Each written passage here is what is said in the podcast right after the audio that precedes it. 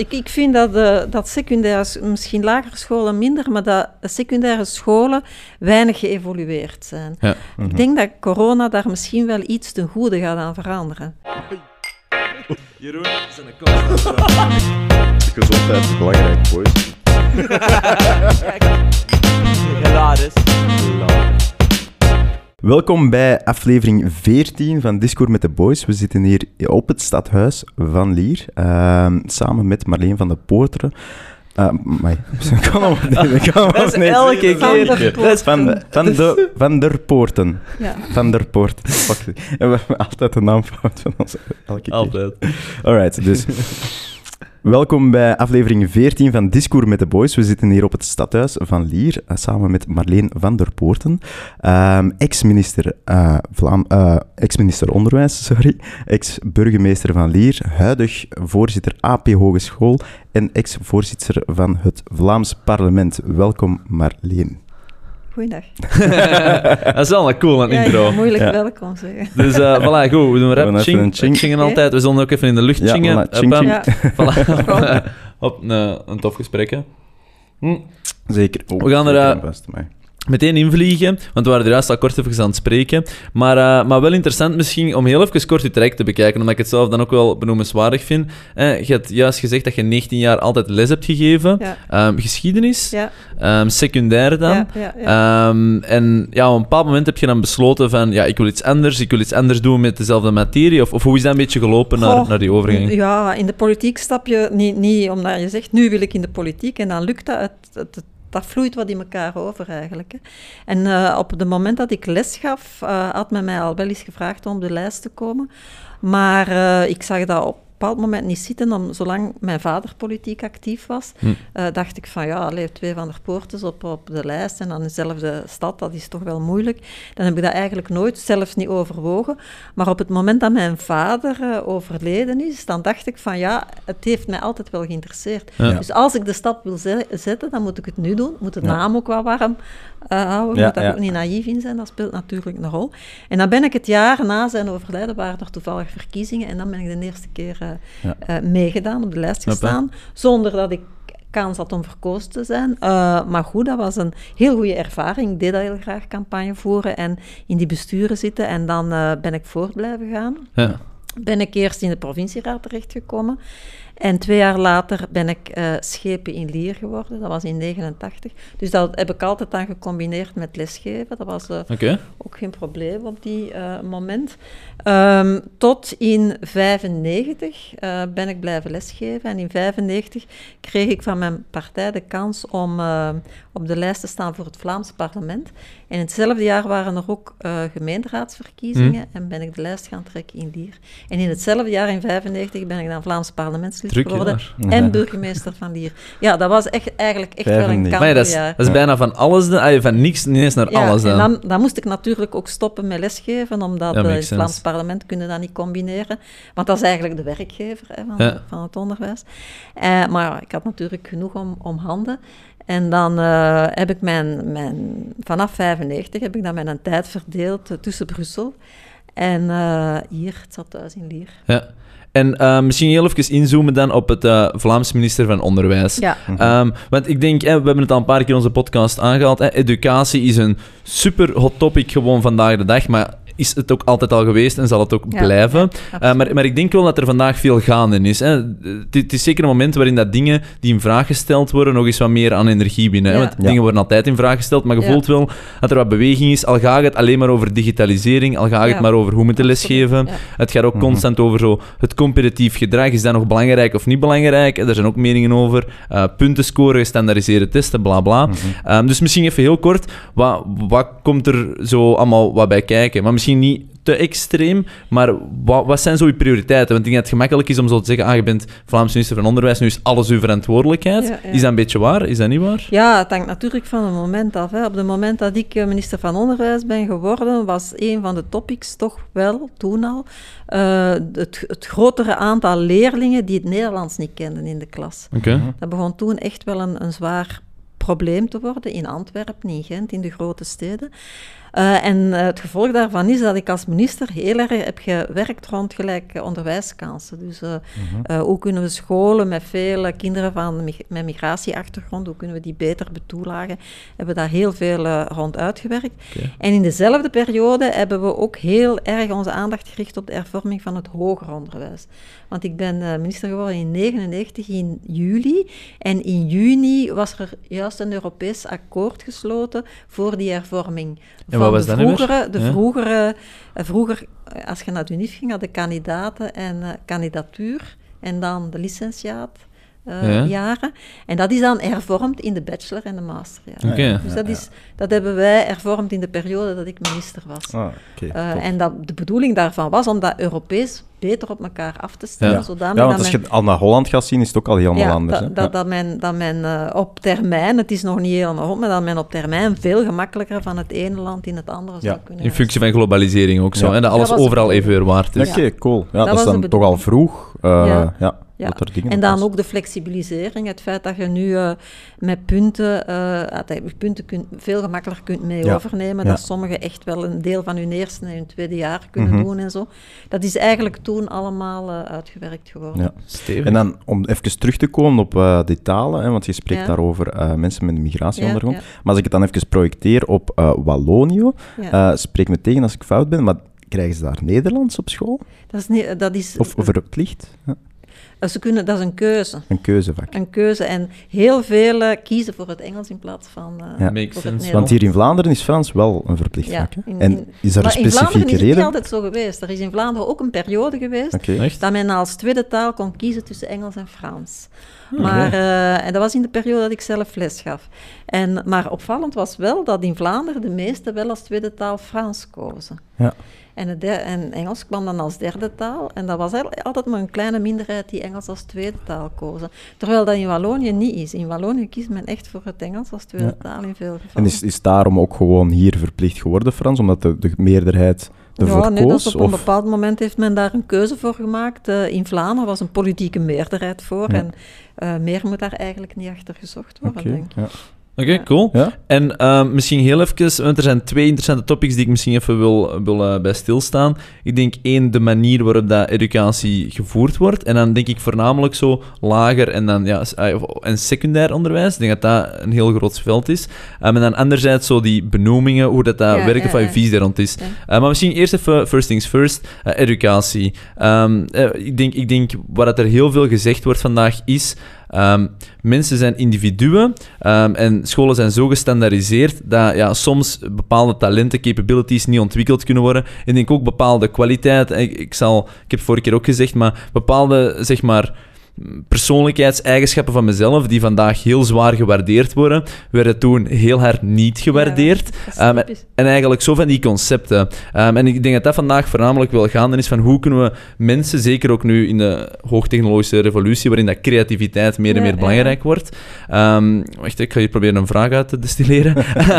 Hoe, ja, hoe zit die puzzel in elkaar? Of, of hoe heeft u dat bezig gehouden? Of heb je daar zelf iets van gemerkt? Is misschien Ja, wel ik open. heb, eh, ik heb altijd... Dat, ik, ik vind dat, eh, dat secundaire, misschien lagere scholen minder, maar dat secundaire scholen weinig geëvolueerd zijn. Ja. Ik denk dat corona daar misschien wel iets ten goede gaat aan veranderen. Dat zullen we moeten afwachten. Mhm. Maar ik vond, eh, als ik zelf, maar dat is dan natuurlijk ondertussen ook al eh, 15 of 20 jaar geleden, als minister heb ik heel veel schoolbezoeken gedaan. En het viel mij altijd op dat die secundaire scholen die ik ging bezoeken als minister, dat die nog heel erg leken op de school wat ik zelf gezeten had. Ja. Dat is En dat was dan hè. zoveel later. Dan dacht ik, hier klopt toch iets niet, want die maatschappij evolueert zo enorm en die scholen die blijven eigenlijk stilstaan. En dat is eigenlijk nadien niet, niet erg veranderd. Dat, dat heeft natuurlijk ook veel te maken met de leerkrachten, Mhm. die gevormd zijn zoveel jaar geleden. Leerkrachten zouden eigenlijk heel veel moeten eh, bijscholing vormen. En dat, dat wordt eigenlijk heel weinig gedaan in het Vlaamse onderwijs. Dus ze studeren af en dan blijven die de rest van hun carrière lesgeven zoals Hetzelfde. het Voor de- komende 40, en dat klopt 50 jaar, eigenlijk ja. niet. En ik heb mij ook altijd afgevraagd, die digitalisering, eh, dus dat afstandsonderwijs en dat lesgeven met computer, waarom blijft dat zo hangen en gaat dat niet meer vooruit? Maar dat is natuurlijk ook dat vasthouden aan het stramien van de leraar voor in de klas en de leerlingen allemaal in de groep en Mhm. zoveel mogelijk, gelijk dat gezegd, hetzelfde doen. Ehm, terwijl de computer eigenlijk de mogelijkheid geeft om veel meer maatwerk te doen Ja. aan de leerlingen die wat achterblijven. Kun je een soort van bijvorming geven. Maar aan de, aan de leerlingen die voor zijn, die kunnen ook extra uitdagingen geven. Ja. En ik denk, ik hoop dat dat iets, iets is dat nu gaat overblijven na corona. Dat, dat men van dat afstandsonderwijs ook wel gebruik kan maken om de zwakkeren erbij te halen via bijwerking en de goede ook vooruit te laten lopen. Ja. Zodanig dat de groep, de klasgroep, dat die eigenlijk gediversifieerder wordt. Ja. Dat Ja. mag, hè. In een klas 100%, moet dat niet moet Zeker, want nu is, de, nu is de enige metric is leeftijd. Ja, hè? Je, zit, je Ja. zit dat jaar en, dat je zit in eigenlijk die niet klas. Nee. En het, het kan best zijn dat je ook een verschil maakt. In het ene vak kan de ene wat beter zijn dan de andere. Je kunt daar ja. eh, enorm goed, denk ik, verschillende groepen Mhm. eh, over samenstellen. Die, die leerlingen kunnen elkaar ook meetrekken en optrekken. Dus ik denk Ja, ja. eh, dat dat misschien iets is dat we uit corona kunnen... Oh, ik zie daar toch goede voorbeelden van. En zeggen van, we moeten nu allemaal terug met allemaal naar de klas. Altijd. Ik zou dat niet doen. Ik las gisteren toevallig Oeh, nog een artikel. Ja. Ik, zag, eh, ik las gisteren nog toevallig een artikel over Australië. Hm. En daar geeft men dus al heel lang afstandsonderwijs aan bepaalde leerlingen. Want dat land, op, so- op sommige plaatsen is dat zo dun bevolkt, dat men daar Ja. geen scholen kan bouwen. En Ja. die leerlingen, die moeten eh, eh, via de computer les krijgen. En daar verandert men het systeem, daar laat men de leerkrachten af en toe... eh, land door een regio Ja. doorkruisen en die gaan dan hun leerlingen opzoeken. Ah, ja. En die gaan Oeh, dan zien hoe ver dat ze staan, eh, eh, wat, wat moeten ze nog extra leren en dergelijke. Mm. Dus daar is dat heel normaal, waar men hier zo soms nogal dramatisch doet. Natuurlijk, moet de, de leerling, ik denk dat het inderdaad goed is dat ze af en toe naar de klas komen, Sowieso, dat ze hun sociaal sowieso. contact... Ja, ja. Dat Dat is heel tegen. belangrijk. Maar eh, die computer kan ook echt wel een meerwaarde hebben. Dus de combinatie van de twee zou eigenlijk wel volgens mij een goede oplossing zijn. Plus ook de, de 9-to-5 mentaliteit dat Ja, erin zit. Hè? Dus, dus daar is het heel hard constant op, eh, Ja. allee, s- Maar dat op heeft gericht veel te in, in het maken met de, leer, met de vakbondsmentaliteit Ja, ja, die tuurlijk, in voilà. heel, erg, eh, heel erg bestaat. Dat Mhm. komt ook bij uw vaste benoeming. Eh, want eh, er zijn, als men bijvoorbeeld oppert, een paar weken geleden, men zou bijvoorbeeld de grote vakantie twee weken kunnen inkorten. Mhm. En, en bijvoorbeeld de krokus en alle heiligen wat, wat, wat verlengen, zodat Mhm. globaal het aantal vakantiedagen hetzelfde. Dan staat iedereen op zijn achterste poten. Natuurlijk, je kunt dat nu vandaag niet zeggen, omdat dan in juli, dat is nogal kort Ja. dag. Maar eigenlijk is dat wel zinnig. Dat een, een vakantie van twee maanden is eigenlijk te lang om eh, leerlingen vergeten. Die zijn in de vakantie niet bezig Mhm. met hun leerstof. 100% En je nee. vergeet natuurlijk Tuurlijk. ook wel een aantal Ja. dingen. Hè.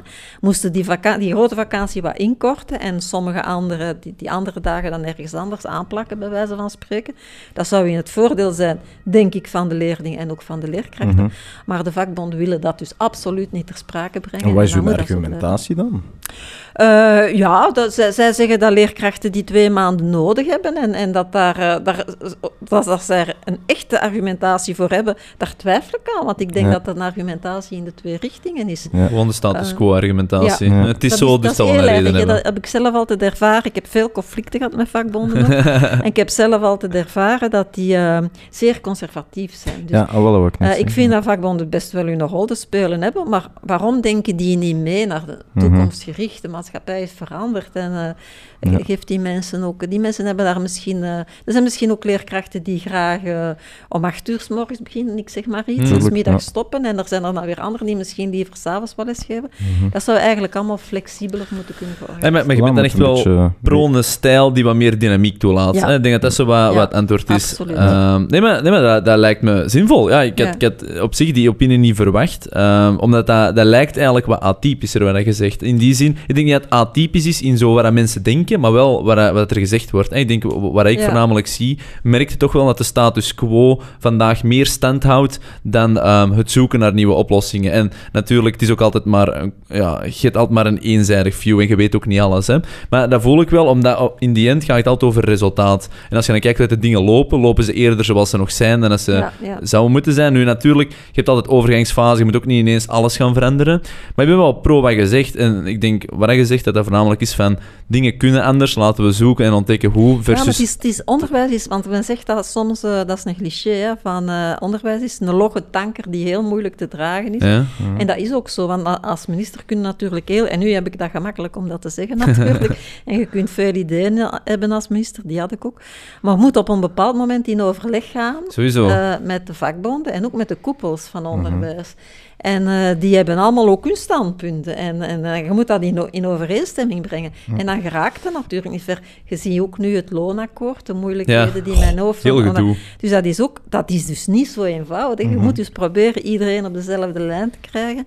En dat is, eh, dat is niet zo eenvoudig. En eh, ja, daar botsen de meeste ministers van, van Onderwijs die iets willen veranderen, mee. Ik wil, ik wil direct ja. even dieper ingaan op eh, hoe, hoe dat die dynamiek werkt. Maar misschien eigenlijk een vraag nog over educatie zelf. Eh, wat mij heel hard interesseert is hoe dat leerplannen werken. En want in die zin, ik denk dat leerplan ook heel veel dicteert. Niet, niet alleen vaak van wat moet er gekend worden, Ja. maar net ook misschien omdat ze zeggen wat er gekend moet worden, dat ook een beetje de stijl dicteert. En dat die Ja. twee heel kort bij elkaar ja. zijn. Ook gestandaardiseerde testen, et cetera. Alhoewel ik fan ben van gestandaardiseerde testen, laat heel duidelijk zijn. Maar ik denk dat er ook nog ruimte is voor, voor dingen soms anders te Mhm. bekijken. Maar je moet benchmarken, je moet, eh, competitie is superbelangrijk.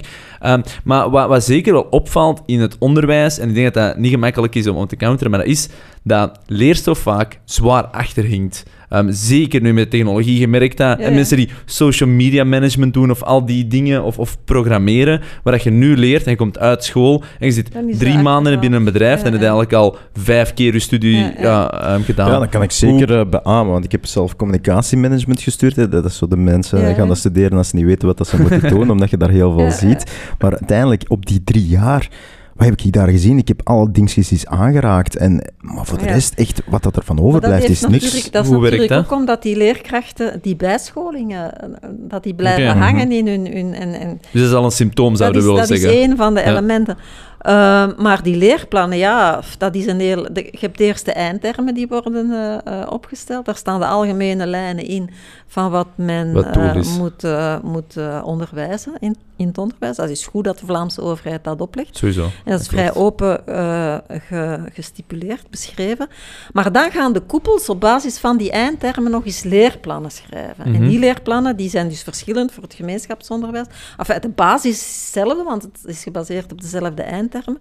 Maar er kan toch anders ingevuld worden. En het katholiek onderwijs doet dat ook anders. En dat is soms zeer, zeer gedetailleerd beschreven. En dan kunnen de leerkrachten natuurlijk nimmer ja, weg. Ja. Want die moeten doen wat er in die leerplannen staat. Moesten die leerplannen er niet zijn en men zich alleen houden aan de eindtermen, dan zou men eigenlijk veel, uh, veel vrijer zijn als leerkracht uh, om die zaken in te vullen. Natuurlijk, de koepels zeggen dan soms, ja, maar de leerkrachten die willen de vrijheid niet, die willen aan de hand worden gehouden. Sommigen misschien wel, maar zeker heel vele ook niet natuurlijk. Ja. Je hebt altijd wel een beetje in het midden nodig natuurlijk. Ja. En je hebt vrijheid. En um, ja, zeg maar, alles moet zoals het gedicteerd staat. Ja, ja alleen vrijheid uh, leidt tot chaos. Alleen wat er gedicteerd staat, ja, dictatorship. Maar het is zo bij het midden. Hè. Als, als de ja. twee soms elkaar meer kunnen vinden, dan denk ik, uh, dat leidt net tot het goede. Want zomaar ook het wilde Westen ervan maken. Je wilt net dat, dat je er zeker van bent dat iedereen plus minus dezelfde basis ja. heeft, et cetera. Dat wilde net. Um, maar ook, dat hangt natuurlijk ook af als de leerkracht zelf een beetje kan invullen volgens zijn eigen inzichten en ja. volgens het, waar hij zelf goed in is. Dat is veel ja, waardevoller, denk ik. Hè? Want een leerkracht die uh, gepassioneerd in een bepaald onderwerp meegaat, zal dat ook beter kunnen overbrengen op de Sowieso, leerlingen ja. dan wanneer die dat moet doen, zonder dat hij daar zelf eigenlijk uh, de finesses van kent. Ja, exact. Ik denk um, ook qua, qua detectatie hè, van die leerkrachten in, in de leerlingen. Als je daar gepassioneerd staat voor die klas en je ziet gewoon alleen al aan de blikken wie dat er ja. luistert of niet, en dan kun je daar ook een beetje op inpikken ja. van, je kunt dat ook aan, aan ja, verscherpen. Daarom, en, ik ben, ik ben uh, eigenlijk een heel grote voorstander ook altijd geweest van het samenwerken tussen de gewone scholen en uh, de de academisch, de Mhm. mm -hmm. uh, academisch. Okay. Omdat men dikwijls vindt, in een lagerschool bijvoorbeeld, dat die een onderwijzer die in de klas staat en die in alles moet geven, in het eerste leerjaar nog tot daartoe, maar in het zesde is dat toch al iets anders, ja. dat die soms helemaal niet mee is met, met, met, met, met beeldende kunst of met, met muziek of zo. Hè.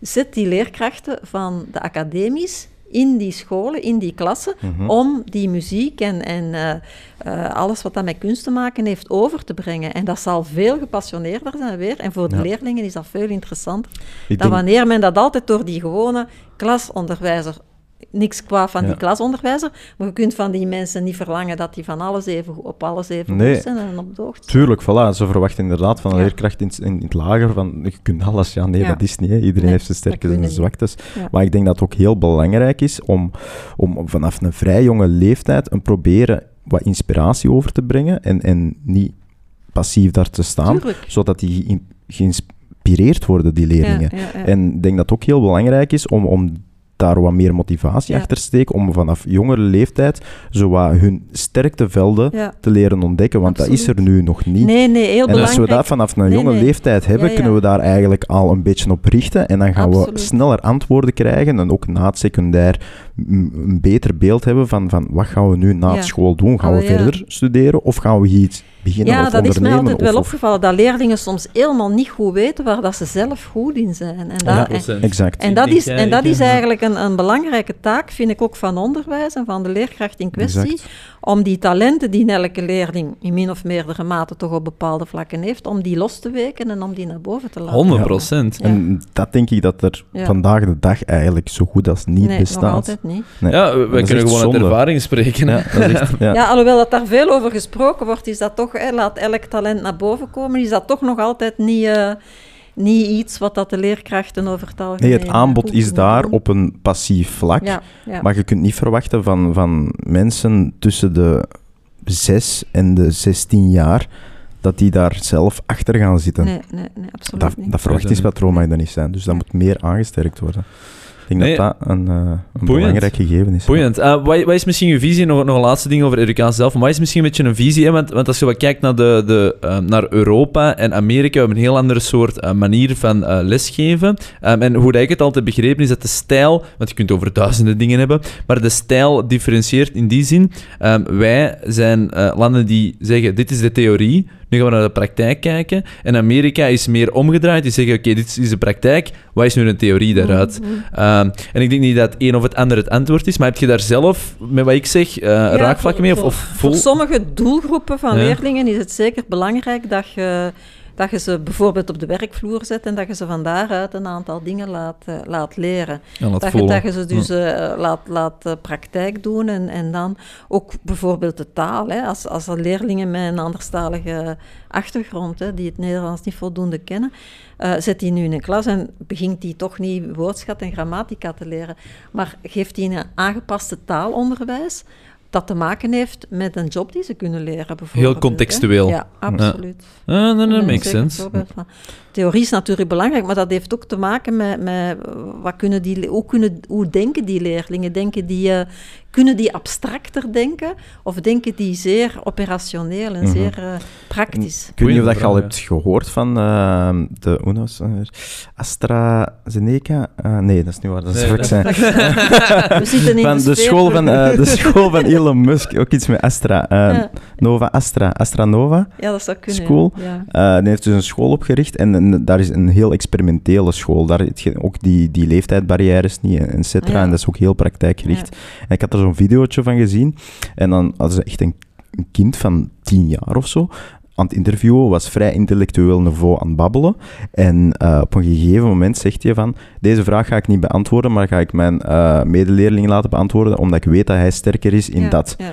En gewoon een kind van tien jaar dat zoiets zegt, dat is toch dat is inderdaad. fenomenaal. Ja, dus, dus zeker is een tip om, om eens te kijken, ook aan de Ja, ja, luisteraars, denk kijken. de, de school van Elon Musk. Ik denk in- Astra Nova of Nova Astra. Misschien even heel kort om daarop in te pikken. En misschien dat jij dat weet, ik, ik heb het niet gezegd, maar je hebt iets meer geschiedenisachtergrond. Maar je hebt in Frankrijk ook wel een soort, soortgelijk concepten zijn getest. Ik denk Piaget? Ja, Zegt ja, me ja. iets. Ja, die heeft ooit zo'n scholen willen opstarten die iets meer waren in Ja, maar functie. Maar hij heeft bij- ook niet gewerkt, maar dat is nooit Maar er mainstream zijn geworden, bij ons ook wel, wel eh, methodescholen hè, die, eh, die al afwijken in hun methode, in hun Mhm. onderricht. Eh, van het gewone onderwijs. Ik denk aan Steiner, ik denk Ja, aan de-. Ja, en Montessori-scholen en zo. Dat is er wel en dat heeft eigenlijk nu wel meer succes dan vroeger. Ja, maar dat, lijkt nog wel een beetje een taboe. en niet per se taboe, maar het is zo... Dat is niet mainstream, zoals ik Ja, maar is- bijvoorbeeld eh, bij AP is er nu een opleiding ook om les te geven in het Freinet-onderwijs. Oké. En dat is ervaringsgerichter. Ja, Oké. Oké, ça va. Dus, dus laten we zeggen, en ik denk dat dat eigenlijk het antwoord is, dat, dat, Dat er is weer eigenlijk meer... hogeschool. Hogeschool is goed bezig, en de universiteit Ja. ook, denk ik. Wanneer dat er zo stil aan meer diversiteit eh, komt van een soort school. Van, ah, m- mijn kind past iets meer in, in die soort stijl. Want je hebt ook mensen die vandaag in het huidige onderwijssetting thriven, hè, die er echt voor Ja. gemaakt zijn. Hè. Ja. En je hebt dan andere soorten mensen, kijk dan iets meer naar ons, die iets minder zijn gemaakt voor het standaard schoolsysteem. Dus ik denk inderdaad, die keuze aan stijl, dat is eigenlijk wel een belangrijke. Ja, Dus ik heb er nooit bij nagedacht dat Mhm. inderdaad je eigenlijk een, niet per se een universeel iets moet creëren, maar dat je inderdaad bepaalde scholen met bepaalde stijlen eigenlijk kunt eh, gaan zeker, nastreven. absoluut. En de ouders moeten vrij, allee, kunnen kiezen wat, wat hem best bij hun kind past. Hè. Ja. Mhm. Eh, ze moeten ook, allee, ik kan mij best voorstellen dat ouders hun kinderen ook niet allemaal naar dezelfde school sturen, omdat die zo verschillen, die kinderen. Dat Ja. de ene meer gebaat is met een flexibeler onderricht, eh, traject, en dat een andere liever eh, binnen de lijnen eh, blijft. hè. Ja, Tuurlijk, dat, Ja, dat is gewoon zijn. persoonlijkheid. Dat is persoonlijk. Ja, Ja. super. Ah, eigenlijk wel een interessant. Heel boeiend gegeven. Alright, goed. Politiek. Belangrijk. Nee, gaan we nog eentje, eh, de vaste benoeming. Ah ja, ja misschien Ja. nog heel kort. Maar dat is, voilà, dat is misschien een subtiele overgang dan. Ja. Ehm, ja, dus ik, kan, ik spreek gewoon uit ervaring. Nee, is niet waar. Ik- Of, of eh, van... ehm, ehm, Heb je al gezocht naar een vaste benoeming? ehm, van, hoe moet je dat noemen? Ja, gewoon eh, in mijn omgeving. En dus de, de vriendin van mijn vader is lerares, eh, hoge, ehm, secundair eh, laatste jaren. Ja. Ehm, en ik hoor altijd dat er superveel te doen is rond die vaste benoeming. En wat de frustratie daar is, ehm, vaste benoemingen zijn belachelijk schaars. Ehm, en eenmaal vast benoemd, bent je eigenlijk zo goed als een fireable. In die zin dat, me- dat niet iedereen, en laten we zeker niet veralgemenen, maar dat er zeker wel blijkbaar dan toch een relatief hoog percentage van leraars dan eigenlijk plus-minus een beetje lakser wordt. En dat eigenlijk een heel, ja, heel veel frictie geeft op het systeem. Want mensen met enthousiasme en goesting worden niet vast benoemd. Mensen die vast benoemd, benoemd zijn, ja, je hebt er tussen die, die wou wegvallen, maar dan vast benoemd zijn en heel dat ja. systeem. Maar dat is Hoe- juist, maar dat is niet alleen in onderwijs, hè, dat is eigenlijk in heel de overheidssector. Heb Oké. je dat probleem van, ah, probleem, heb je dat De fenomeen, ja. dat fenomeen van de vaste benoemingen. En dat is ook, ook bij een stad, is dat hè, als jij mensen hebt die vast benoemd zijn en die niet, eh, die niet fatsoenlijk functioneren, dan moet je een heel zwaar dossier eh daar tegenop stellen. Wilde jij die kunnen eh, ontslagen? Ontslagen kan bijna niet, hè, maar Stot, op een bepaald moment worden die dan ziek of ik weet niet wat. Eh, en dat Ja. is in onderwijs hetzelfde. Het verschil tussen onderwijs en een, en een stadsorganisatie bijvoorbeeld, is dat je in onderwijs natuurlijk die kinderen meesleurt. Ja. in het slecht functioneren. Terwijl dat op een stad, ja, kunnen die personen Zijn nog allemaal volwassen mensen. Mhm. rangeren, kunnen die nog ergens apart op een bureau zetten, bij wijze van spreken. Mhm. Maar in een school is dat wel, kan dat eigenlijk heel de sfeer in een school wel verpesten en ook naar kinderen toe. Dus dat is niet goed. Of dat je die vaste benoeming moet afschaffen, daarom dat is nog iets anders. Maar wat Mhm. dat je zeker zou moeten doen, en dat, ik denk dat ze daar nu wel mee bezig zijn, dat is die, ehm, de evaluaties veel eh, flexibeler maken en, en, en veel, eh, eh, veel veelzeggender. Als, als iemand twee slechte evaluaties heeft, ja, vast benoemd of niet, dan zou dat een reden moeten zijn om die te kunnen Ja. ontslagen. Zodanig dat je dat profitariaat, dat er niet, niet in grote mate gelukkig, maar dat er toch hier en daar is, Zeker. dat je dat zou kunnen uitsluiten. Want wat is de voornaamste reden waarom dat het eigenlijk bestaat? Ja, omdat dat, eh, zo, omdat dat van vroeger zo gegroeid is en omdat als je zo'n verworvenheid hebt, Mhm. dat je dat eigenlijk heel moeilijk kunt veranderen. Je weet, in, in, in een land als het onze en ook waarschijnlijk in andere, ehm, er, wordt, er worden wel dingen bij eh, goedgekeurd, maar dingen afschaffen gebeurt heel zelden. Ja. Want je moet daar dan ook weer een meerderheid voor hebben Ja, in een parlement om zoiets af te schaffen. En dat is niet zo gemakkelijk. Nee. Dus dan, dan kan dat wel stap voor stap gebeuren. En ik denk dat ze daar nu wel naar aan het kijken zijn. Eh, maar het is niet evident, omdat je ook weer met die vakbonden zit. En met Ja. die, eh, Die fucking vakbond. dat, is niet, dat, is, dat is niet gemakkelijk. Ja, oké. Goed, ik denk dat we politiek zo hebben aangesneden. Ja. Eh, we zijn wel heel benieuwd. Ja, hoe ziet zo het dagdagelijkse leven eruit van een minister? Want eh, Van een effectief, minister. voilà. Eh, oh, dat is, dat is natuurlijk ongelooflijk druk. Eh, achteraf gezien denk je van, eh, hoe, hoe heb ik het allemaal kunnen doen? Eigenlijk achteraf is dat soms een beetje te hectisch. Ik herinner me als ik toen minister was en ik, ik was dus... Ik vertrok om zes uur, denk ik, naar Brussel. Agenda doen, voorbereidingen, dan vergaderen van de een vergadering naar de ander. Maar eh, achteraf zeg je dan, oh, verschrikkelijk druk. Maar als je dat graag doet, dan voel je Ja, veel minder. Je hebt een ikigai gevonden. Maar ik weet wel, als ik toen eh, zo in de week, ik was in de week dan nooit in Lier, en als dat dan toch is, ik weet dat dat is gebeurd omdat ik ergens naar notaris moest gaan of zo, en dat ik, dat ik mij heel onwennig voelde, omdat ik in, eh, in de klaarlichte dag op straat liep. Oei, Je zegt van, maar ja, nee, dat is heel in mijn intens, stad? Stevig. Ja, dat, dat is omdat dat daar niet bij hoort. Hè. Je Ja. bent de hele dag op je bureau, op schoolbezoek, of je bent bezig, je vergadert heel veel. Ehm, heel hectisch en uitdagend en boeiend. Ik heb dat heel graag gedaan. Maar ehm, druk, ja. En eh, ik zeg het, heel veel vergaderen. Naar het Ja. parlement gaan, vragen beantwoorden. Eh, de partij speelt natuurlijk ook een rol. Partijbestuur gaan, eh, naar de fracties gaan en zo. Dus ja, eigenlijk hangt je leven aan één van vergaderen. Ja, dat is één complex gegeven Ja. met zoveel wortels dat er zitten en takken en vertakkingen. Denk ik dat het toch een heel complex gegeven is. Maar ik denk als je het uiteindelijk kunt reduceren ergens naartoe, kan het efficiënter in al die vergaderingen. Want hoe nuttig, allee, dat is gewoon een open vraag, geen, geen judgment Mm. of zo, maar hoe nuttig zijn al die vergaderingen? Ja, het hangt er een beetje van af. Hè. Ehm, je moet je vergaderingen ook kiezen, want je kunt zelf niet aan alles deelnemen. Je hebt Mhm. als minister ook eh, medewerkers. Mhm. En als je daar kunt op vertrouwen, en dat is toch wel een voorwaarde, en je vormt een goed team, eh, dan is dat fantastisch, want dan is dat eigenlijk ook een vriendengroep. Ja, en dan gaat tof. de ene naar die vergadering, en de andere naar die vergadering, en je koppelt terug op een Ja, bepaald moment samen. van de week. Ja. Je kunt niet alles zelf doen, dat Hm. is onmogelijk. Maar dan, dat betekent dat je wel vertrouwen moet hebben eh, in die mensen. En ik had gelukkig een heel goed team. En ik heb ook altijd gemerkt, we hadden dan nogal problemen met de vakbonden, want we wilden de pensioenleeftijd optrekken en zo van alles. Dat hebben we trouwens ook gedaan. Maar door het feit dat we van de buitenwereld eigenlijk zo aanvallen kregen, Ja. kwam dat team dichter bij elkaar. Ja, ja, Dus het is meer us versus them, je- je niet per se een- gesteund op elkaar en je wordt eigenlijk... Ik heb daar heel goed... Ik zie die mensen ook nog regelmatig. Eh, ik heb daar eigenlijk heel goede herinneringen aan, ook aan die samenwerking. En ik heb dat ook altijd geda- graag gedaan, maar het was een uitdaging om dingen gerealiseerd te krijgen. Gelijk onderwijskant, die hervorming van het hoger onderwijs en zo. Dus ik heb daar geen moment spijt van. Ik weet als ik minister werd, als mijn partij dus in 1999 eh, mee aan de coalitiebesprekingen eh, zat, aan de tafel zat, dan eh, begon op een bepaald moment beginnen ze dan te zeggen van eh, ja, wie gaat er minister worden en zo. Eh, daar wordt onderling wel wat over gebabbeld. Er zijn altijd veel meer gegadigden dan... maar toen was het eigenlijk vrij eenvoudig, want ik had vier jaar daarvoor in het Vlaams parlement, als Vlaams parlementslid, ook altijd over onderwijs gewerkt. Ja. En mijn partij wilde eigenlijk graag de minister van Onderwijs. En aangezien ik eigenlijk samen. de enige was die daar eh, zo mee bezig was. eh, en het feit dat ik een vrouw was, speelde waarschijnlijk ook in mijn voordeel. Omdat het toen bij ons in de partij vooral mannen waren die de... Ja, Karel voilà, we spreken over Gucht in Verhofstadt- 99, zei je Ja, daarnet. Karel de Gucht 20 jaar geleden. We waren ook de eerste Vlaamse vrouwelijke parlements. Ja, dat was dan nadien. Nee, Ah, ja. nee, dat, was, Of- dat, dat is nog iets anders. Ah, ja, Daar kom ik oké. zelfs terug. Maar, eh, als minister van Onderwijs was ik zeker eh, ja, ook de eerste vrouw. Maar ik heb toen, ik weet dat ze toen op een bepaald moment aan mij vroegen, wilde niks.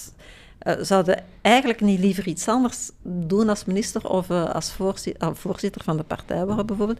En toen heb ik gezegd, ik wil alleen minister van Onderwijs worden. Ik wil eigenlijk niks anders, ik wil alleen dat.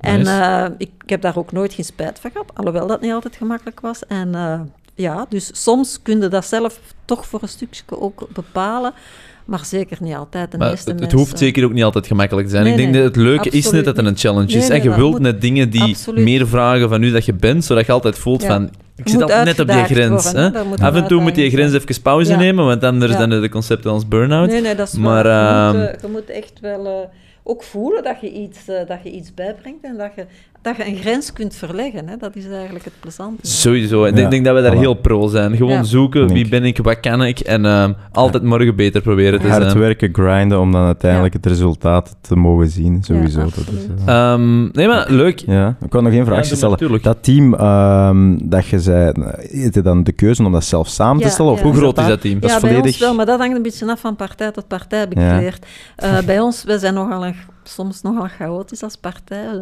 Eh, dat heeft ook zijn charmes. Eh, maar als, wij, als ik minister ben geworden, ja, ik had niemand. We hadden in de Mhm. vorige regering zaten we in de oppositie, dus we hadden daarvoor ook geen ministers. Dus ik had eigenlijk niemand om mij bij te staan. Dus ik moest echt zo eh, de medewerker in onze fractie, die, ik- die ik wist die goed was in onderwijs, die heb ik dan bij mij getrokken. En dan hebben wij dat samen naar mensen gaan zoeken, aan Unief, zien en Ja. stilletjes aan.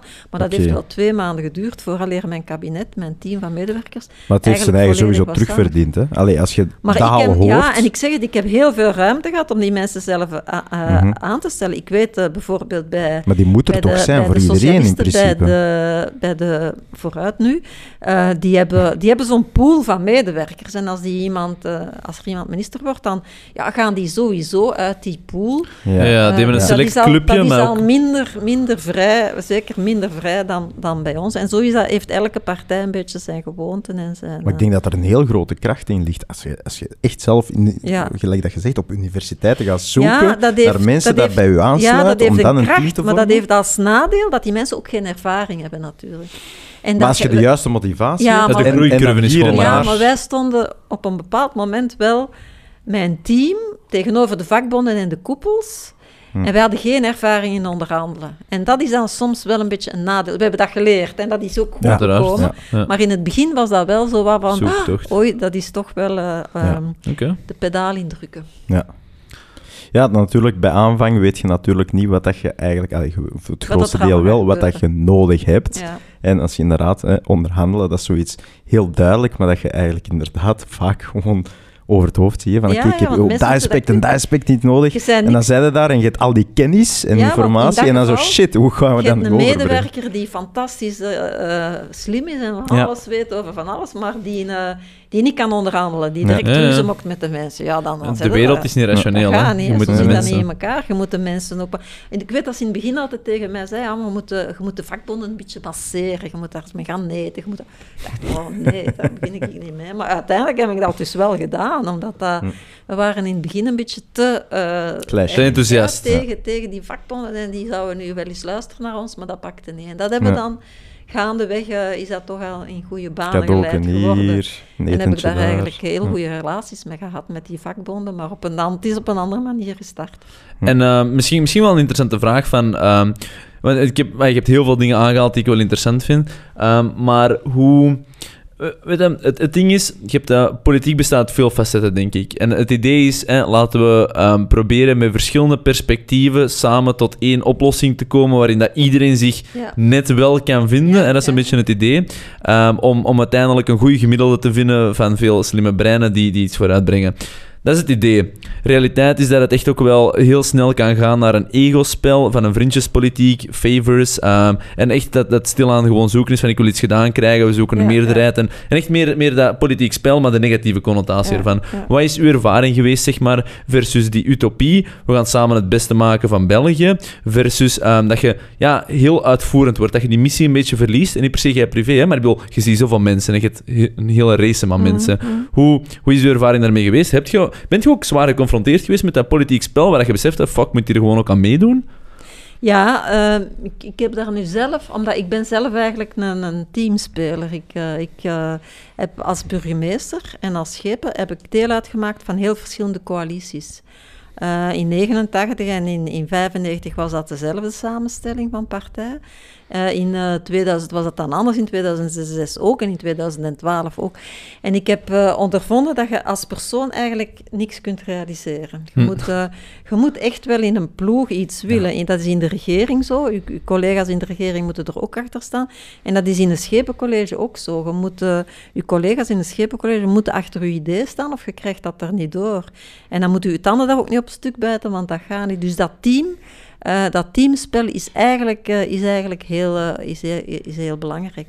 En daar heb je dan ook wel plezier van. Het is een beetje geven en nemen. Mhm. Hè, laat die ene niet scoren. En, maar dat is niet in elke combinatie van partijen even, even gemakkelijk om dat te doen. Dat heeft ook met persoonlijkheden te maken. Hè. Er zijn mensen die hun ego zodanig op de voorgrond eh, zetten ja, dat de anderen geen plaats meer hebben, bij wijze van spreken. En dat, dat werkt dan vrevel in de hand. En dat is misschien een, eh, een goede diplomatisch antwoord, maar heb je zo iets meer juicy details, waarin dat je Ja. gewoon zo... En je moet niet per se namen, daar ga ik niet om, maar dat je zo zelf voelde van... ah, ik, bedoel, ik, ik weet dat ik hier gelijk heb, en wat is gelijk en ja, zo, ik maar... zal u een voorbeeld geven. Als wij in 2012 zijn wij, is de coalitie eh, zwaar veranderd. Hè. Dan hadden we, we hadden daarvoor een zeer veel kleurige coalitie met, met zes partijen. Dat, dat was, dat was plezant en Mhm. dat was uitdagend, maar dat was ook vermoeiend. Maar we hebben toen veel kunnen realiseren.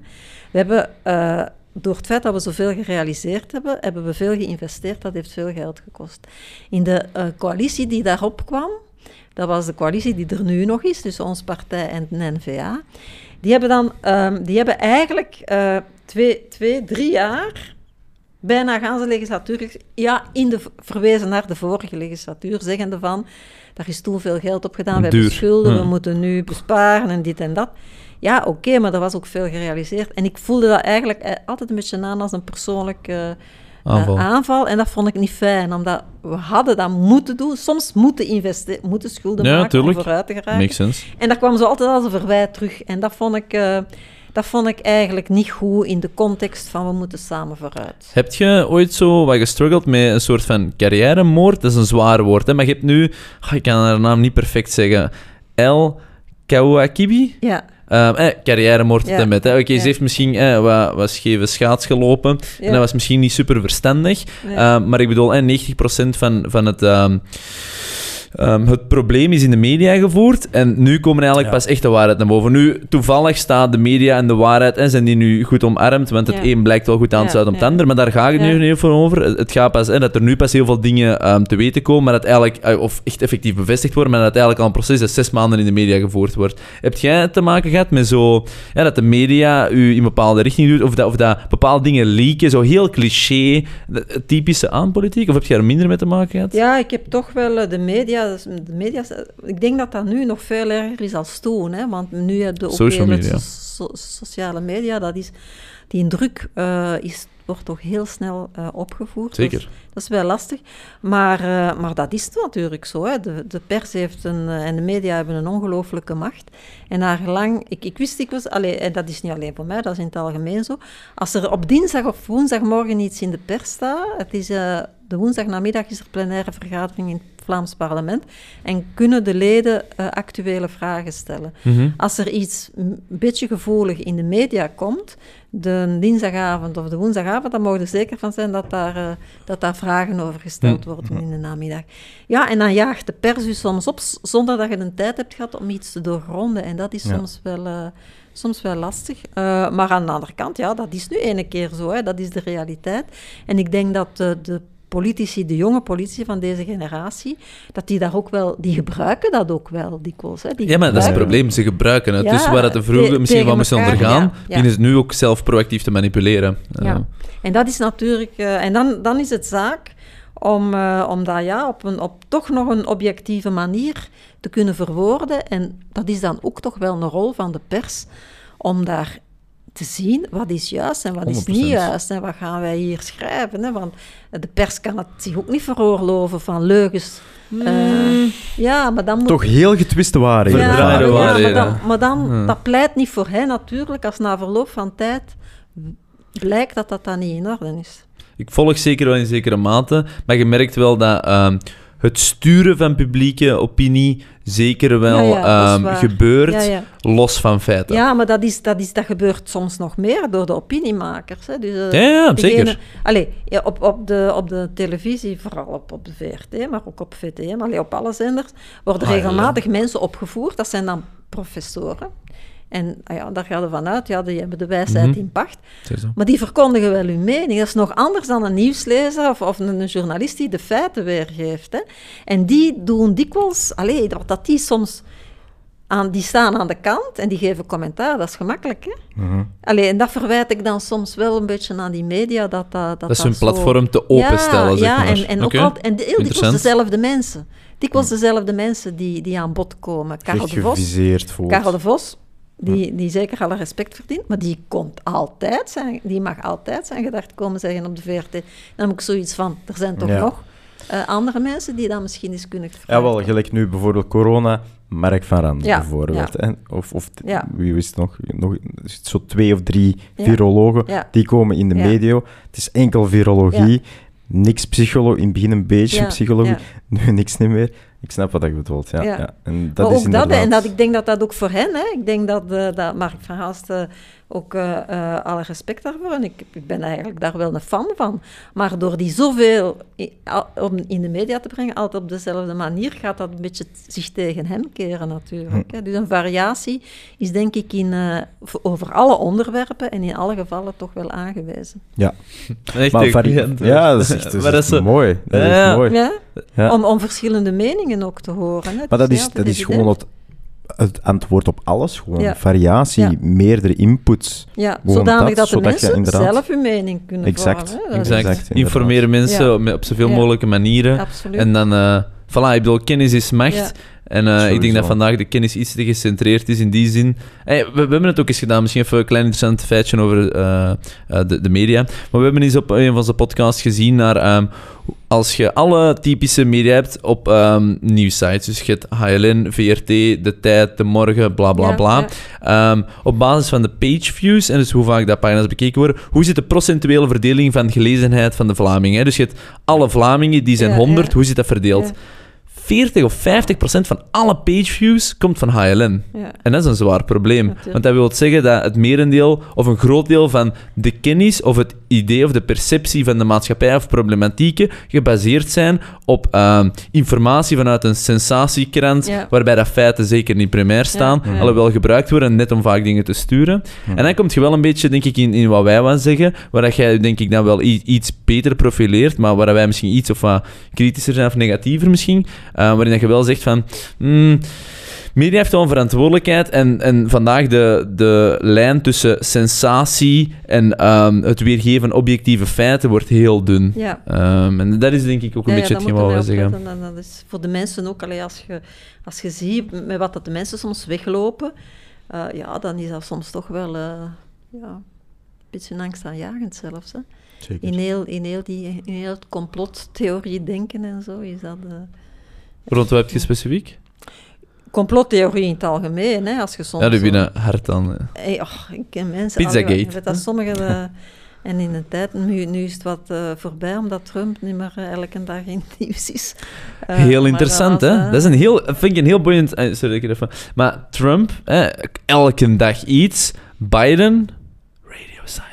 Ja. Nu, dat is Ja, niet helemaal waar, want Biden komt er zeker ook in. Biden en nu beginnen heel- ze al te keren weer tegen Biden. Biden is heel sensatie-wise, hoor. Want je krijgt daar heel veel op sociale media, zo van die filmpjes, dat hem zijn eigen zo verspreekt Ja, ja, en niet ja. uit zijn woorden Ja, maar die geraakt. is- En dat wordt nu Ja, de niet- niet hype, on- zo, Die is, is heel ehm, eh, Maar, eh, minder maar ja, lucid. het is, eh, ja, het hangt na- natuurlijk vanaf. Er zijn mensen die van 's morgens tot 's avonds op Facebook zitten, op sociale media. Hè. Exact. Eh, dat- En dat zijn de, de mensen dat dat doen, zijn de mensen dat niks in vraag stellen. En, Hmm. en eigenlijk heel tunnelvisie dingen volgen. Ja, ja. En geen één eerste of tweede vraag stellen. Nee, nee. En als dan de enige content dat beschikbaar is, is een, een getwiste waarheid dat de media heeft gecreëerd, dan is dat een groot probleem. En helaas is de maatschappij heel groot in het aantal van de mensen dat dat doen, wat we net, zeggen. Dus, dus Ja. dat is een enorm probleem. Hè? Ja.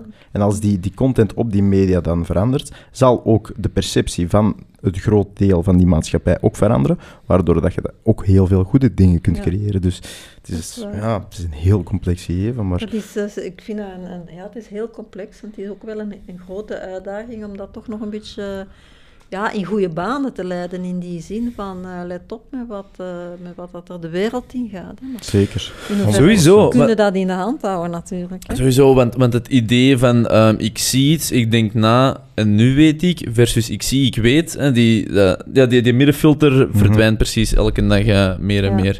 Misschien even iets anders om, om een ander onderwerp eh, aan te snijden, maar nog steeds over politiek, want we hebben het eens een keer over gehad. En het voordeel is, of het nadeel is, wij zijn totaal niet politiek aangelegd. Mm. Ehm, ik be- bekijk dat als een, een voordeel. Waarom? Dat maakt dat wij 99% van de mensen zijn. Hè, we- wij zijn gelijk de gemiddelde mens als het aankomt op kennis over politiek. Maar ik bedoel, wij zijn ook de mensen die stemmen, wat nadelig is. Ehm, I vind ik, want dat wil zeggen hè, dat ik stem op mensen of ideeën die ik zo een beetje links-rechts ken of wat interessant Ja, vind, maar eigenlijk nooit echt doorgrond Nee, weet waarover dat gaat. Dus mijn vraag die daaruit leidt eigenlijk is, het is maar gewoon een open vraag, maar wat vind je van het concept partijpolitiek, ergo de politiek hoe dat wij het doen? Omdat vandaag de dag, ehm, als je voor een partij stemt of niet, Het zijn bijna allemaal al aparte Ja, ideologieën. Ehm, en ja, je stemt dan ook op een partij, maar ehm, uiteindelijk die partij doet uiteindelijk ook wat ze wil en je stemt... Dus uiteindelijk het is zo'n heel ding van... Of, er wordt een meerderheid langs de andere kant gevormd. Ja, en, mensen zaken, worden ja. ook een beetje verward, hè, want je hebt dan ook partijen zoals Groen. Ik ben zelf iets minder fan van Groen, maar ik bedoel, dat lijkt dan zo van, ah, als je voor Groen bent, ben je voor het milieu. Als je tegen Groen, ah, of niet op Ja, Groen ja, stemt, ja, dan ben je anti-milieu. Maar geen enkele andere partij is zo van, fuck het milieu, hè. Niemand Nee, zegt dat vandaag. Nee. Maar je, hebt, je voelt dat wel. Als je aan N-VA stemt, oeh, dan ben je een Vlaming, en dat is zo wat Ja, het concept dat daar rondhangt. ja. Allemaal bullshit. Zijn rechtse? Maar het is wel vandaag zo. Dus daarom mijn vraag. Je merkt dat die partijpolitiek heel veel verdeeldheid creëert. En ik heb geen beter antwoord, maar wel, wat vind je ervan? Omdat het heeft zijn voordelen, maar het heeft zeker ook zijn nadelen. Heb je daar zo, omdat je er zelf hebt Van de ingezeten? partijpolitiek. Ja, of... Ja. Ja? Uw, uw visie Nee, daarop. Ehm, ik, ik denk dat je de partij... Want tegenwoordig zijn er veel van die, ehm, van die eh, experimenten met burgerfora en met...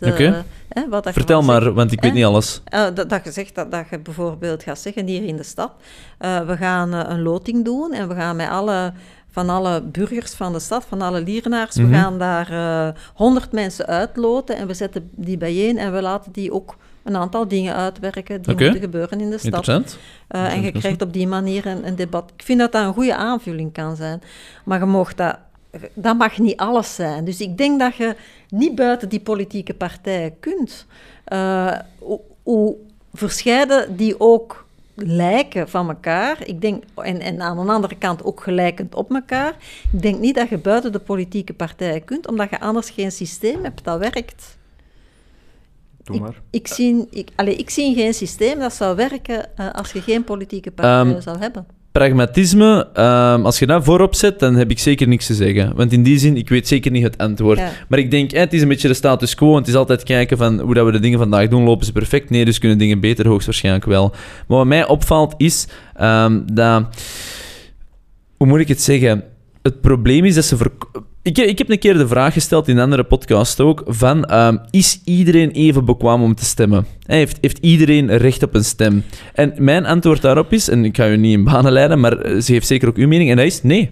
Bijvoorbeeld, is mijn stem evenveel waard als die van iemand anders? Ik zal zeggen nee. En ik zeg niet die van mij meer of minder waard is, maar ik zal u één ding zeggen. Als ik moet gaan stemmen, ik, ik kan 100% zeggen dat ik niet op de hoogte ben van waar de partijen 100% voor staan en daardoor het juiste objectieve Maar mening kan maken. de grens leggen? Voilà, maar dat is een heel interessante vraag. Daarom denk ik, democratie is het idee, iedereen is gelijk. Ehm, maar ik weet niet wat altijd het beste idee is. Ehm, ik zou veel liever hebben dat ehm, je bijvoorbeeld een soort van test moet afleggen van hoe, hoe zit uw gedachtepatroon in elkaar, dat daar dan misschien een antwoord uitkomt. Ik zou veel liever hebben, maar dat is natuurlijk onmogelijk, want dat gaat altijd al een beetje prejudged zijn. Maar of ik zou ook veel liever hebben dat als iemand ermee bezig is, dat die zijn stem meer waard is dan die van mij, et cetera. Dus ik merk wel, ehm iedereen stem is evenveel waard. En dan met partijpolitiek, dat je een heel emotioneel gekleurd systeem komt, waarin dat eigenlijk ehm, de ratio niet per se altijd voorop staat. Of dat is mijn, mijn mening. maar- Ja, maar ik denk, ik denk dat is een opdracht van de politieke partijen zelf en van de kandidaten zelf om de mensen zo goed mogelijk te informeren natuurlijk. Hè. Nu, ik vind het wel een stap vooruit. Ik heb daar juist gelezen dat men Mhm. nu eh, met de gemeenteraadsverkiezingen niet meer gaat verplicht zijn om te stemmen. En dat er een stemrecht komt. Eh, dat is al, vind ik, hè, dat is dan, dan zijn de mensen van degene die dan van zichzelf zeggen, ik ken er niks van, ik wil niet Ja, gaan. maar dat vind ik ook... Sorry, dat is ook gevaarlijk. Maar, maar ik denk, mensen, het ding is, mensen die gaan stemmen zijn altijd geen die het meeste emotie dan voelen als je een Ja, keuze ja, hebt. Dat zie je in Amerika ja. heel hard. Ja. En daar is dan uh, verschijnen nog harder. Want Ja. het zijn eigenlijk misschien de objectieve. Zo, ik zou mezelf vrij objectief beschouwen, omdat Ja. ik zeg, ik weet niet alles. Ja. Maar het zijn net de mensen die dan dat tikkeltje minder objectief zijn en denken, ik weet alles, die dan net gaan stemmen, Ja, erg de meer emotionele dat is- kleuren. Dat is Dus altijd, dat is natuurlijk met de mensen... Wie stelt zich kandidaat? Dat is hetzelfde. Hè? Er zijn ook mensen die eh, gekozen worden en waar dat Mhm. je ook kon- kunt van afvragen. Zijn dat de juiste mensen op de juiste plaats? hè? Dat, dat, is eigenlijk, dat 100%. is eigenlijk nog een, een groter probleem. Gaan die dan ook examen... Allee, ik bedoel, hè, je zou eigenlijk iedereen examen kunnen... Of een test... Ik zeg nu examen. Mhm. Een test kunnen laten afleggen van... eh, er zijn landen, hè, bijvoorbeeld in de commissie van het Europees Parlement... Ja. Eh, daar moet men een test afleggen. Daar wordt men een test ondervraagd door het Hmm. parlement vooraleer men de functie mag opnemen. En dat gebeurt regelmatig dat er iemand niet eh, capabel Doorkomt. wordt ge- geacht. Wel. Er zijn er die zeggen dat dat bij de regeringen ook zo zou moeten. Ja. Dat hem, vooraleer dat men minister wordt, dat men ondervraagd wordt voor iets. Oké, dat kan. Eh, maar natuurlijk, in een democratie, je moet ervan uitgaan, iemand wordt gekozen, dan is dat een teken dat de mensen die voor die persoon gestemd hebben, vertrouwen hebben in de capaciteiten van die mens. Ja, Jawel, eh, dat vind ik een hele is dat dan juist belangrijke. of is dat dan Nee, want het is een wel populariteitscontest. Ja, maar... maar Ik, ik heb letterlijk, ik ben nu eh, binnenkort 26 jaar, ik denk dat ik één of twee keer ben gaan stemmen. Hm. Letterlijk, wat dat je daar zegt, de exacte zin, ik heb nooit gestemd op iemand waar ik vertrouwen in heb. En daarbij stel ik dan een bijkomende vraag, leven wij dan in een democratie? Mijn antwoord is nee. Want uiteindelijk wordt het land geregeerd door die partijen, waar dat dan effectief is voor gestemd geweest. Maar ik denk dat heel veel mensen van mijn mening zijn, als je die stelling zegt, zonder aanvallend over te komen, van heb je vertrouwen in die persoon waarop je stemt? Mijn antwoord is daar ja, maar- nee. Maar, dat is waarom stem- stemmen er dan op? Omdat je Omdat je- een stem moet uitbrengen. Ja, maar er is toch iemand waar dat je... Is er niemand waar dat je... Je kunt ook niet Nee. stemmen, hè? Je kunt ook blanco stemmen. Ja, maar dan gaat Ja, je stem toch naar de meerderheid of zoiets? Nee, ja, dan, dan, nee, dat gaat niet naar de meerderheid. Maar natuurlijk, als er veel mensen blanco stemmen, Maar dat is, is dan is ook- de partij die in de meerderheid Oh, is, voilà, dus dus dat creëert zijn maar dat zijn de enige opties dat er zijn. Dus ik heb eigenlijk niet de Ah, wel, optie als om te stemmen voor iets Als er dus waar ik stemrecht vertrouwen is, in dan heb. heb je geen probleem meer, want dan ga je waarschijnlijk niet meer stemmen. Ja, maar dat is ook niet de optie. Ja, want dan hebben we de... oké, Ah, maar- voilà, maar daarom dan- dan kan ik het nog steeds niet doen, zorgen, Dan moet jij er maar mee voor zorgen. Hè, dat is dan de, zo werkt dan democratie. Dat er zich iemand kandidaat stelt waar dat jij vertrouwen kunt in Ah, wel, maar zo, en moet jij zo is tegen het de Amory effectief. zeggen, stelt jij je kandidaat, ik vertrouw niet nu, en dan kun jij op hem stemmen. En Annemarie, president 2026, of wat is dat, Zo werkt dat. 2024? Ja, Ja. ik- allee, je moet Ah, wel, zo is het huidige systeem en zo werkt het inderdaad. Hè. vertrouwen Ja. hebben in het, in het systeem om, om Ah, wel, maar te ik denk- beseffen dat er toch wel ook... ah, Er zullen zeker mensen zijn capabele die, die mensen. waar zijn, maar dan moeten ze Sowieso, op zoek sowieso. gaan naar iemand die het wel waard is. En dan moeten natuurlijk Tuurlijk. de moeite doen om partijprogramma's te leren, om misschien met die mensen contact... Ik moet zeggen, elke keer als er verkiezingen zijn, zijn er toch wel mensen die mij bijvoorbeeld aanschrijven en die zeggen van, eh, ik wil... Ik, overweeg om voor u te stemmen, maar dan wil ik wel eens weten wat dat je daarover denkt, bijvoorbeeld. Mhm. Allee, als nu iedereen dat gaat doen, dan is dat ook niet houdbaar. Maar ik wil maar zeggen, er zijn wel mensen die dat doen. Hè? Ja, ja. Ah, ja. ja, maar het blijft zo nog steeds, hè, want inderdaad, je kunt dat onderzoek doen en heel weinig gaan het. Mensen gaan dat onderzoek al doen, maar voor degenen dat dat gaan doen, dan zit je Maar nog steeds in, mensen. in die minderheid en dat zijn inderdaad wel goede mensen. Ja.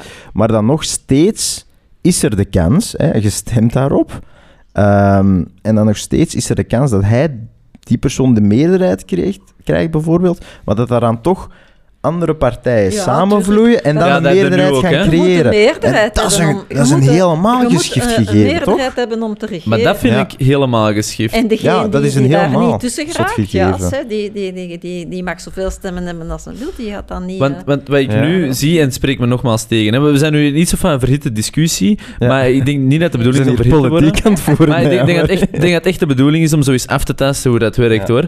Ehm, we zijn zeker niet, niet judgy. En maar ik denk, ik denk met de laatste ehm, pa- pa- pa- pa- pam, verkiezingen, en dan had je N-VA en Vlaams Belang hadden samen de meerderheid. Hè. En Vlaams Belang heeft zo'n gek statuut, als ik me niet vergis, waar die dat niet echt kunnen of wel kunnen. Of... Cordon sanitaire, dat is zo... Ja, voilà, dat, dat is zo ze weer een term. Ja. ja, omdat ze terecht zijn, als ik me niet vergis. Ehm, maakt niet echt uit. Ook geschift dat dat bestaat, ondanks... Ik snap de... ik snap dat niet waarom je erop kunt stemmen. de- waarom bestaat dat? Dat zijn de andere politieke partijen die dat zo willen. Hè? Dat, is, dat is niet... eh, Voilà, maar wacht, daar, hè. kun je, daar kun je binnen de kortste keren van afstappen als, als, als ze dat willen. Hè? Echt? Eh, Gek, Ja. gek, gek systeem. Maar anyway, ehm, nu denk ik dan... eh, ehm, heb je toch weer dan zo van alle kleine partijen die proberen... Kom, kom, kom. Kunnen wij samen meerderheid Ja. hebben? Kunnen wij het vinden? En dan uiteindelijk, ik denk, eh, los van Vlaams Belang, had N-VA de, de meerderheid... Niet de meerderheid, meerderheid, maar wel het grootste aantal stemmen Ja. relatief zien ten aanzien van andere partijen. En ik ben hier zeker geen voorstander per se van N-VA, zeker niet. Ehm, maar, en dat is... ehm, dan zou je toch eigenlijk zeggen van... Ah, als er een eh, regering is, en moet die sowieso wel eh, het grootste deel ervan uitmaken. Maar je hebt dan wel het gegeven waarin dat heel veel andere partijen kunnen samenkomen, een coalitie vormen en dan de meerderheid hebben. Mhm. Maar dat ondermijnt dan toch het concept van in de eerste plaats een meerderheid hebben. Of zit ik ernaast? Nee, nee. ah, ah, Je moet gewoon zien, hè, je hebt bijvoorbeeld in Lier hebben wij 33 zetels in de gemeenteraad. Je moet gewoon zien dat je aan 17 geraakt. Hè. Ofwel alleen, ofwel in combinatie met iemand anders, met wie dan ook. Ja. En als dat zes partijen zijn met elk drie zetels, en die hebben 18 zetels, dan kunnen die samen gaan werken. Is dat Maar- gemakkelijk met Ah, ja. Nee, dat is niet gemakkelijk. Maar als die dat willen, dan, dan is het... Oké, maar jij ja, bent wel dan- van het systeem dan? Om het zo te zeggen. Ja, het is soms ja, fan van het systeem. Wat is het alternatief? Eh, in, in, in de VS en in, in Groot-Brittannië is er een tweepartijensysteem. Waar dat ja, dat is even erg. Dat Mhm. heeft dan zeker ook, na, allee, dat Ja, heeft sowieso. ook nadelen. Dat spreekt niemand tegen. Maar het is misschien wel ja, gemakkelijker. Alhoewel in de VS, als je ziet dat dat dan zo op het randje is, dat is natuurlijk ook niet gemakkelijk. En in de VS zie je dan ook wel, het is nu veel in het nieuws gekomen, dat binnen die partijen zijn er dan ook weer veel opsplitsingen. Hè? Want Sowieso. Je hebt, daar, je hebt daar democraten die vlak tegen de republikeinen hangen, en je hebt er Mhm. daar aan de andere kant die socialisten zijn. Dus eh, dat, dat, dan heb je binnen de partij weer. Waarom? Omdat mensen, er zijn in een partij geen twee mensen die helemaal hetzelfde denken. Hè? Ah, wel, Nee, en dat is het probleem van een partij. Want een partij moet const- net één stem zijn, één beweging. zijn, maar maar- daar, daar ben ik niet akkoord met. Ik heb, ik heb eh, in mijn partij ook, er zijn ook stellingen waarvan ik, van, van dat ik denk, is dat nu wel, daar ben ik het niet helemaal mee eens. Mhm. Maar, er zijn maar je moet je erachter zetten omdat je deel bent van die ja, partij. zei, en dat is een probleem, ja, vind ik. Ja. Ja, moeten. Ik, ik kan, dat hangt ervan af hoe erg dat, dat gaat.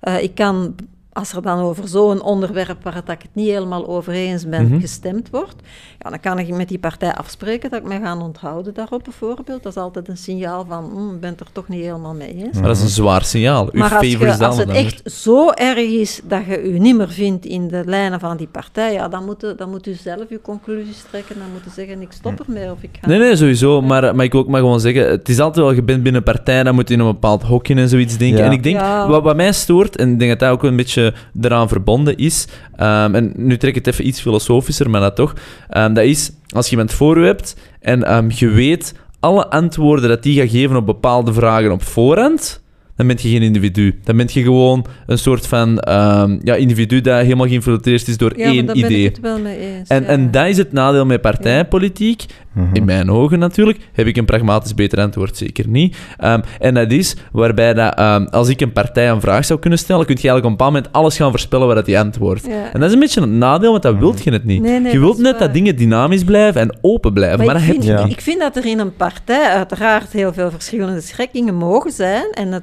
dan moet er binnen die partij een debat zijn. En het zou niet de eerste keer zijn dat een partij opschuift in standpunt door de argumenten die sommige van haar leden Mhm. aanbrengen. Hè. En dat is een dyna, dyna- dyna- dyna- dynamiek, beter gezegd, sorry, eh, Mhm. Van een partij eh, die, eh, die haar eigen leven leidt. Op een, en dat is ook bij andere partijen. Hè. Mhm. Als, als ik zie hoe dat sommige partijen zijn opgeschoven op het vlak van ja, groen, je hebt het daar juist gezegd, milieu bijvoorbeeld. Er is nu geen enkele partij die het milieu niet 100%. genegen is. Mhm. 100%. Eh, dat is enorm opgeschoven, terwijl ja, 20, 25 jaar geleden was dat nog een, een- iets dat, dat een detail was in partijprogramma's van de grote partijen. Hè. ja. Dus dan, dan, dan heeft een partij zoals Groen eigenlijk al iets gedaan door iedereen milieubewuster te maken. Ja. En hetzelfde met N-VA. N-VA heeft zeker de Dat is wel een fijn inzicht wat dat je daar zegt. Ja, hè. exact. Groen is ontstaan, heeft nooit een Ja. grote meerderheid gehad, Nee. maar heeft wel een enorme Ja. invloed Ja, gehad op al die andere Ja. partijen. Dat is wel iets interessants Ja. dat je daarmee En dat is met Vlaams Belang voor, voor het. Vlaams, eh, het Vlaams onderwerp ook wel zo. Hè? Mhm. Ja, exact. Dus eh, dat, is, eh, ja, dat, dat leeft, partijen leven. Als je, zien, als je ziet Christen-Democraten, de, de CD&V, vroeger de CVP, de katholieke partij, die, waren, die zijn in Lier 100 jaar de grootste partij geweest, de meerderheid. Die hadden Mhm. niemand nodig om te regeren. Eh, nu is dat een... mensen gaan niet meer, allee, zijn niet meer kerkelijk, ze Mhm. zijn soms nog wel gelovig. Ja. Maar als je ziet hoe dat die partij overal is gaan Ja, ja. slabakken, dat is... eh, dus partijen leven wel en, en, Ja. en daar is die, die, die Maar het komt het altijd zo niet net iets te laat. Gelijk, hè, groen is daar, maar het is eigenlijk op het moment dat zij daar zijn, is het nodig. En pas na zoveel jaar later Ja, maar dat is is, het zo. even- Hè? Ah, wel. Velen hebben, ook individuen hebben soms te vroeg gelijk. En dan, ja, en dan kunnen nadien zeggen eh, van ja, dat heb ik twintig jaar geleden al gezegd. Ja, ideeën hebben soms hebben meestal tijd nodig Mhm. om, om Te door rijpen. te dringen. Hè? Mhm, mhm. Interessant. Ik ga Ah. misschien nog één vraagje stellen. Eh, Ik weet niet, ik ga misschien een klein beetje sidetracken, maar niet echt. Ehm, als ik mag. Nee, jij mocht niet. Nee, nee, ik vind het wel niet. Nee, ehm, maar dat is... ehm, wa- wat, mij ook opvalt... eh, nee, maar daarom, we zijn zeker niet aan het, eh, we zijn zeker aan het discussiëren, maar ik ben zeker niet voor één standpunt, maar ik ben wel... Oh, weer al. Sorry. Excuseer. Arno smost hier de whisky. We gaan die zijn glas afpakken. Ehm, nee, maar en, eh, dat is wel... ehm, en dat valt me ook op. En gewoon interessante open vraag weer. Eh, misschien waarin ik wel weer al een standpunt naar voren breng, maar los daarvan. Ehm, en dat is... Wat, wat me wel opvalt als zeker ehm, aandachtspunt in partijpolitieke whatever verkiezingen, en dat valt me echt wel op, is vier jaar... Volgende Mhm. vier jaar iemand anders. eh, soms loopt dat wel over, maar bla bla. En je merkt wel dat ondanks dat er misschien wel lange termijn plannen zijn en bla bla, dat er heel korte termijn gedrag is. Ehm, en, en in Amerika vind ik dat dat dan nog harder opvalt, want de president doet één ding, nieuwe president, Ja. bam, Ja. direct is 100 omdat je wetsvoorstellen schrappen. Omdat je dat twee partijen Voilà, dus dat is nog het nadeel van nog extremer te gaan werken met twee. Wij hebben er dan Ja. tenminste Ja. een aantal, zeg Ja. maar, waar je iets meer ja, misschien in het midden vindt. er meestal iemand over van de Voilà. vorige en die doet dan voor. Maar, maar je merkt toch wel zo van, oké, we gaan eh, bijvoorbeeld bepaalde subsidies opzetten, of we gaan X doen, of Y, of we gaan, en dan ineens nieuwe partij, en dan oei. En, en, en dat valt me wel op, dat, dat lange termijn denken wordt wel moeilijk gemaakt in het huidige milieu. Valt me op. Is dat waar of is dat niet waar? Dat is waar. En ik, eh, het ergert mij wel heel erg dat eh, weinigen erin slagen om die lange termijnvisie tot stand te brengen. Eh, ik, ik hoor dat hier ook soms, hè, dat men al denkt, we zitten in 21, dat men al denkt aan 24. En dan zeggen ja, maar dat gaan we niet doen, want dan gaan we vlak Niet voor, eh, dan Ja. gaan die in 23 een beslissing moeten nemen en die gaan misschien niet populair zijn. En dan, ja, mannen, maar soms moeten in de politiek ook een beetje moedig proberen te 100%. zijn. hè. 100%. En moeten, je moet dat uitleggen waarom dat je iets doet, maar je moet dat wel op lange termijn. En dat vind ik een van de, van de belangrijkste ontgoochelingen in het algemeen in, in politiek. Dat men te weinig eh, lange termijn in ogenschouw neemt en dat men altijd zo die dagjespolitiek. Ja, ja. Ja, Dat vind ik eigenlijk een beetje... Maar aan de andere kant, als je dat niet doet en ja je bent moedig. Dan krijg je soms Dat is, wel eh, de dingen in je gezicht. Natuurlijk, ik, ik, eh, het verkeer in Lier is zo dikwijls aan de orde geweest. Wij zijn er wel een paar keer Parking in op de grote markt. Ja, wij zijn er wel een paar keer in geslaagd, een jaar voor de verkiezingen, dat te veranderen. Ja, daar winnen natuurlijk geen stemmen mee. Dus het is soms ook een kwestie van, doen we dat of Ja, doen we dat niet? En slagen we dat niet in ons eigen gezicht? Dus dat is... eh, en achteraf gezien vindt dan iedereen dat normaal dat dat wel gebeurd is, maar op die Maar dat is moment... achteraf. Ja. Op Ja, die moment, en je klopt. kunt je dat nu niet meer voorstellen, dat die markt vol auto's zou staan. Hm.